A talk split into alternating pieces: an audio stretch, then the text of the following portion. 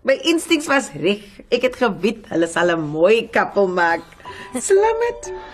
Nou ja, kom ons selebreit met die pudding. Dis amptelik die maand van liefde. En glo my as ek sê dat die liefde behoorlik geblom het voor en agter die klein skerm. Ek wil hom aan jou voorstel sodat jy jou seal of approval of non-approval oor hele ding kan gee.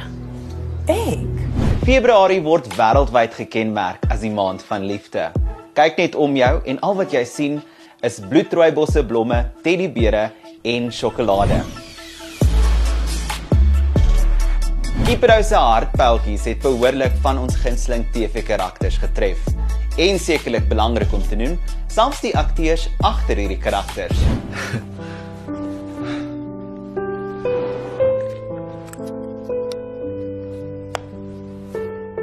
Die kleinste katte klim die hoogste bome.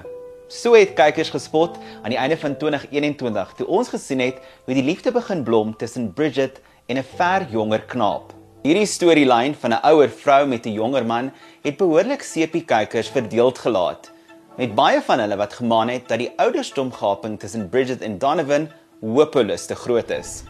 Maar ek word toegegooi onder aanmerkings van my vriendinne. So ek kan nie help om te wonder of ek 'n fout maak nie. Denise, hierdie Bridget en Donovan storielyn het behoorlik kykers warm onder die kraag en mense klap hulle tonge op social media oor die groot ouderdomgaping tussen julle twee. Maar dis my lekker om te sien dat ons nou die teenoorgestelde sien gebeur, dat dit nie 'n ouer man is met 'n jonger vrou nie, maar wel 'n ouer vrou met 'n jonger man. Hoekom is hierdie storielyn so belangrik om te sien op die klein skerm? Want ek dink dit is belangrik om om ook ehm um, nuwe stories uh, aan aan 'n gehoor uh, voor te stel. Ehm um, soos jy sê, dis gewoonlik 'n ouer man en 'n jonger bokkie en niemand bevraagteken dit nie. En en ehm um, ek dink wat hulle wou hê is Bridget wat wat so 'n sterk vrou is, 'n besigheidsvrou wat afgesweer is van liefde uh, weens haar eie um omstandighede in haar man wat wat haar, haar minderwaardig laat voel het. Um en en toe gooi hulle hierdie jong man in haar lewe in sy het, uh, in die begin geweier. Sy het gesê nee, glad nie, glad nie. En almal het gesê man, hy's agter jou geld aan en en um ek het ook dit vir 'n ruk geglo.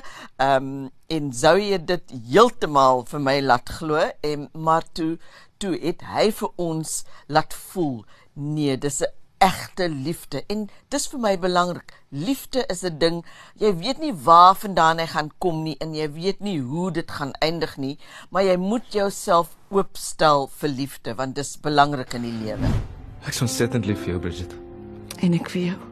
So ek wil net 'n bietjie wegbeweeg van Bridget se liefdeslewe. Hoe vier Denise Valentynsdag? Wanneer jy jonger is en in Valentynsdag is 'n groot ding en en jy wag vir daai persoon om vir jou nou daai rose te gee of die sjokolades of vir jou te bederf vir daai dag wanneer jy jonk is maar my man het altyd gesê man moenie goed verwag op Valentynsdag nie. Ek sal jou verras enige tyd. Dan is jy regtig verras want jy verwag dit nie.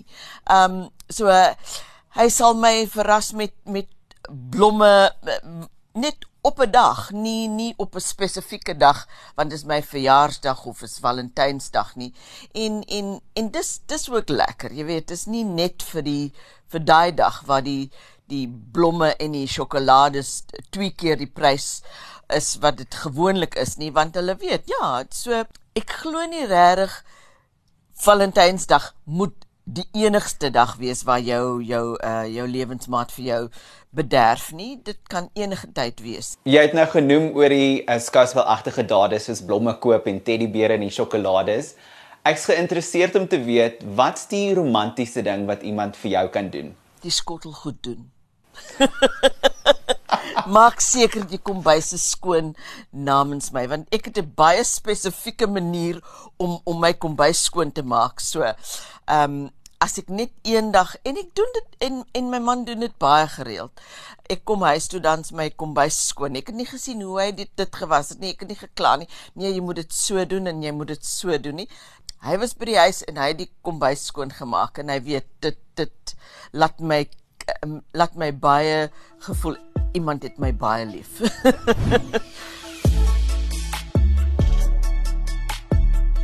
Nou interessante of ongewone liefdesverhoudings is nie net beskore vir die klein skerm nie. Inteendeel, vir die akteurspaar Marike en Werner Koetser van Getroud met Rugby Farm, het Kipedo om beslis goed van sy taak gekwyt. Hi, ek is Werner Koetsen. Hi, ek is Marike van die Westet van Getroud met Rugby. Hey, ja, ek speel blits op Getroud met Rugby en jy speel? Marike. 'n Paar jaar sedert hulle eerste ontmoeting by 'n Getroud met Rugby fotosessie in 2016, is hierdie tweeetjies getroud en twee kinders ryker. Maar net so smoorverlief soos daai dag toe Werner op 'n strand in Veldrif hul vriendskap tot die volgende vlak geneem het.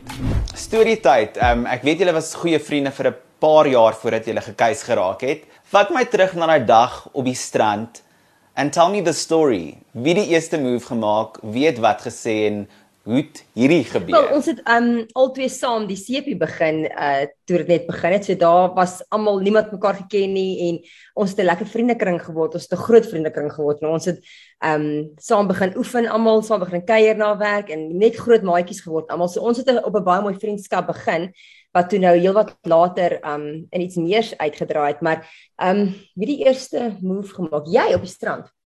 Ja.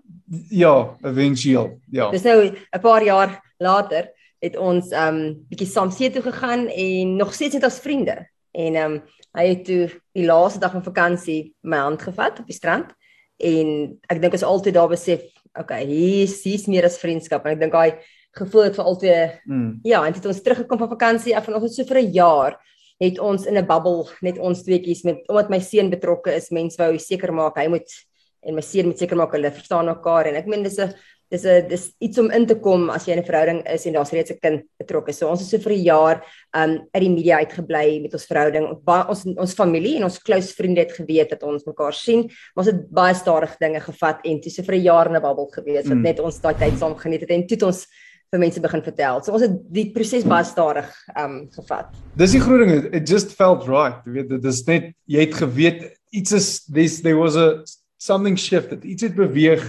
Iets is anders as wat dit was die oggend.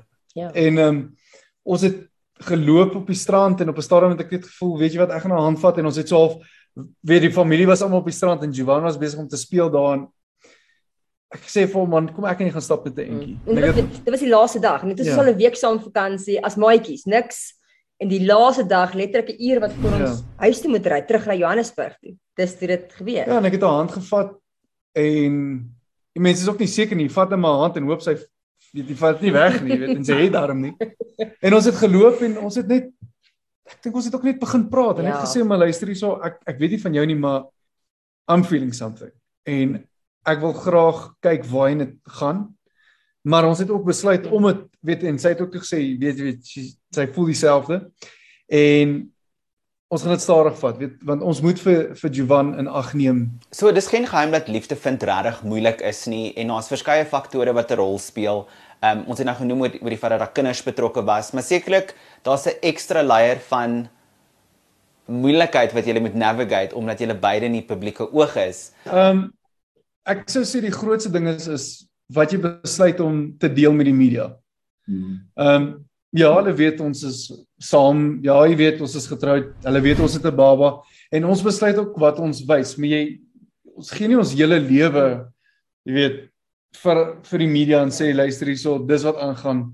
En ek dink dit dis dalk 'n so ons hou ietsie bietjie privaat vir Ja. onsself en ek dink dis waar ander mense miskien dalk verkeerd gaan is letterlik jy vertel so baie dat daar niks meer is om weet Te koester nie. te koester nie Ja. dan voel ek dis hoe dinge Ja, ek my siening is altyd wat jy byvoorbeeld op Instagram, Facebook, daai foto wat jy daar post, voel ek altyd dit kan die media vat en daarmee maak wat hulle wil want jy het dit mos net daar buite gesit. Jy kan nie kwaad word as hulle daai foto op 'n voorblad sit nie want jy het dit klaar daar buite gesit. En van die van ons wat forever single is, watter tips het julle om die perfekte pasmaat te kry?